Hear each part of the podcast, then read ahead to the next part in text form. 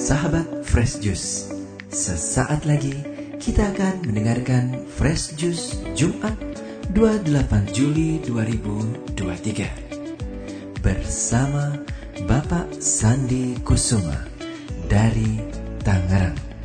Selamat mendengarkan.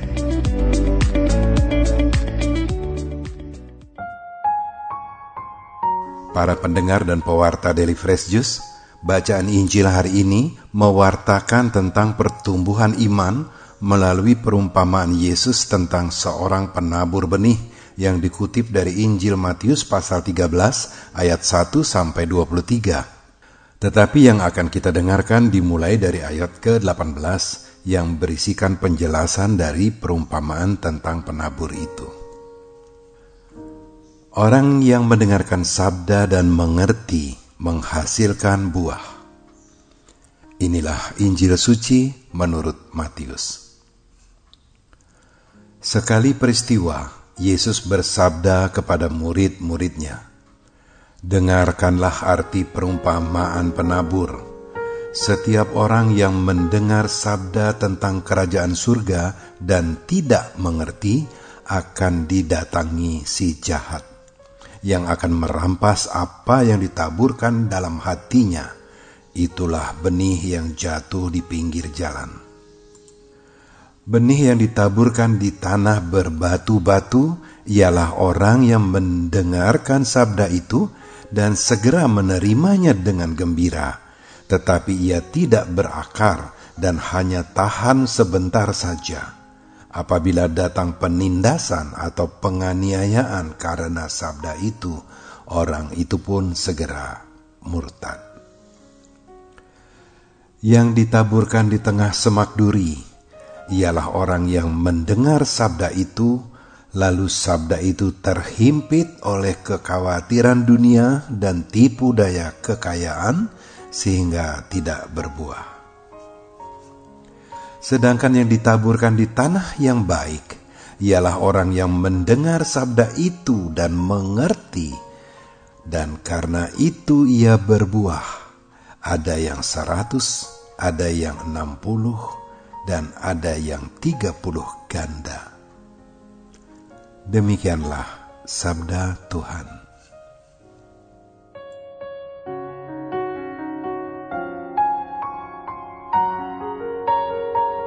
Para pendengar dan pewarta Daily Fresh Juice, tentu telah berulang kali kita dengarkan perumpamaan tentang penabur ini. Yesus diumpamakan sebagai seorang penabur. Menaburkan benih adalah mewartakan firman Allah dan kita adalah tanah tempat benih itu tumbuh. Benih telah ditaburkan ke semua lapisan tanah tanpa memilah-milah jenis atau kualitas tanahnya – entah itu tanah di pinggir jalan, tanah bebatuan, atau tanah yang penuh semak belukar. Barangkali sulit untuk dibantah kalau kita ini bukanlah tanah yang subur, bukanlah tanah seperti yang digambarkan oleh grup band Kus Plus di zaman dulu, yang mengatakan bahwa tanah kita adalah tanah surga, di mana tongkat kayu dan batu bisa jadi tanaman. Apalagi benih tanaman pasti tumbuhlah tetapi kalau mau jujur, kita ini bukanlah tanah surga.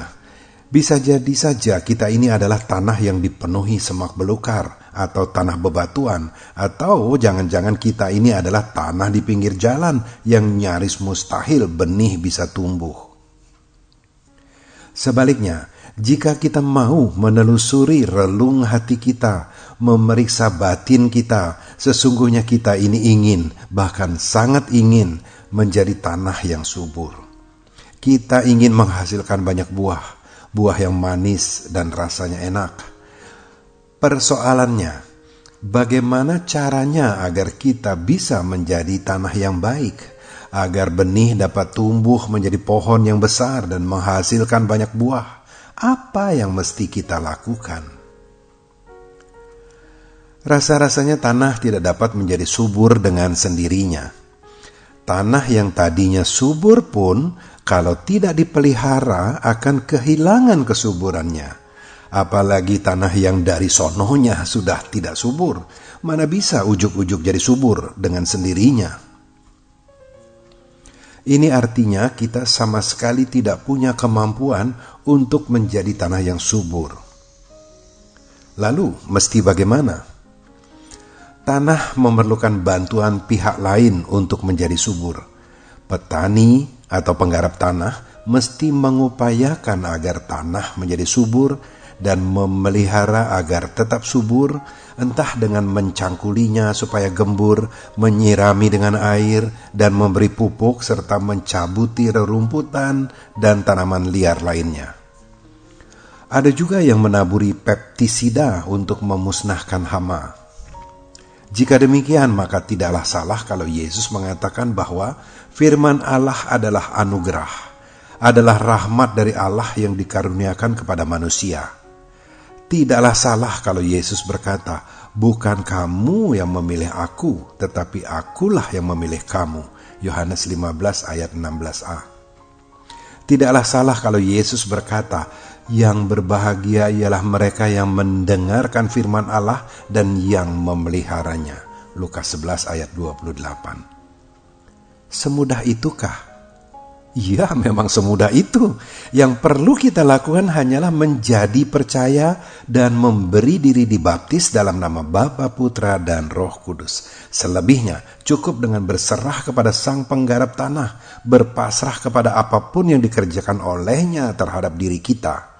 Semisal, Sang Penggarap mencangkuli tanah berulang-ulang kali. Sebagai tanah, tentulah kita merasakan kesakitan akibat dicangkuli itu tetapi tujuannya agar menjadi subur, bukan untuk menyakiti. Sama seperti seorang dokter yang hendak menolong kita agar kita sembuh dari penyakit. Kok dokternya malah menusuk-nusuk kita dengan jarum suntik, malah bisa jadi membedah badan kita, lalu menyuruh kita meminum atau menelan sesuatu yang rasanya pahit yang disebut obat itu. Sang penggarap hanya sesekali saja mencangkuli tanahnya yang sering kali dilakukan dan selalu berulang adalah menyirami dan memberi pupuk. Hal ini jelas tidak menyakitkan, melainkan malah menyegarkan. Itu semua dilakukan agar iman kita dapat bertumbuh dari semula yang hanya benih, dapat tumbuh menjadi pohon yang besar, agar kemudian hari menghasilkan banyak buah. Lalu apa yang dilakukan sang penggarap terhadap rumput ilalang atau bebatuan yang menghambat laju pertumbuhan benih atau bahkan dapat menghentikan pertumbuhannya itu. Kalau kita lanjut membaca Injil Matius ini dalam perumpamaan tentang lalang di antara gandum, ketika para hamba meminta izin Yesus untuk mencabuti rumput ilalang itu, Yesus pun menjawab, "Jangan, sebab mungkin gandum itu ikut tercabut pada waktu kamu mencabut lalang itu." Biarkanlah keduanya tumbuh bersama sampai waktu menuai. Iblis atau setan yang oleh Yesus disebut sebagai si jahat adalah makhluk yang tak kasat mata, yang selalu berupaya menyesatkan manusia agar tidak lagi taat kepada Allah. Dan inilah yang dapat membuat kita gagal menghasilkan buah seperti yang diharapkan dan inilah ahlinya untuk menggoda kita dengan iming-iming duniawi dan bahkan sering kali mengancam dengan mara bahaya yang dapat membuat kita takut.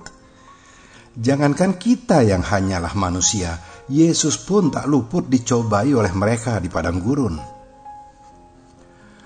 Para pendengar dan pewarta dari Fresh Juice, sekalipun Tuhan tidak memusnahkan rumput ilalang, tidak menghancurkan iblis dan kawanannya, bukanlah berarti iman kita tak dapat bertumbuh. Sekalipun rumput ilalang berada di sekitar kita, jika asupan makanan yang tersedia cukup, tentulah iman kita tetap dapat bertumbuh dengan baik. Kecuali jika asupan makanannya terbatas, maka kita mesti berebut makanan dengan rumput ilalang agar tetap bertahan hidup. Tetapi Allah Bapa mengetahui apa yang kita perlukan untuk menjalani hidup dan menghasilkan buah. Burung pipit yang harganya murah saja tidak dilupakan oleh Allah, terlebih lagi kita yang jauh lebih berharga dari burung pipit. Oleh sebab itulah Yesus mengajarkan kepada kita agar janganlah kita khawatir akan hidup kita, janganlah kamu khawatir akan hari esok, karena hari esok mempunyai kesusahannya sendiri. Kesusahan sehari cukuplah untuk sehari. Matius 6:34. Maka sekarang, setelah kita dibaptis dan menjadi percaya, marilah kita berfokus untuk menghasilkan buah sebagaimana yang diharapkan oleh Yesus. Marilah kita song-song roh penolong yang menjadikan kita seperti tanah yang subur agar firman Allah dapat bertumbuh dan menghasilkan banyak buah.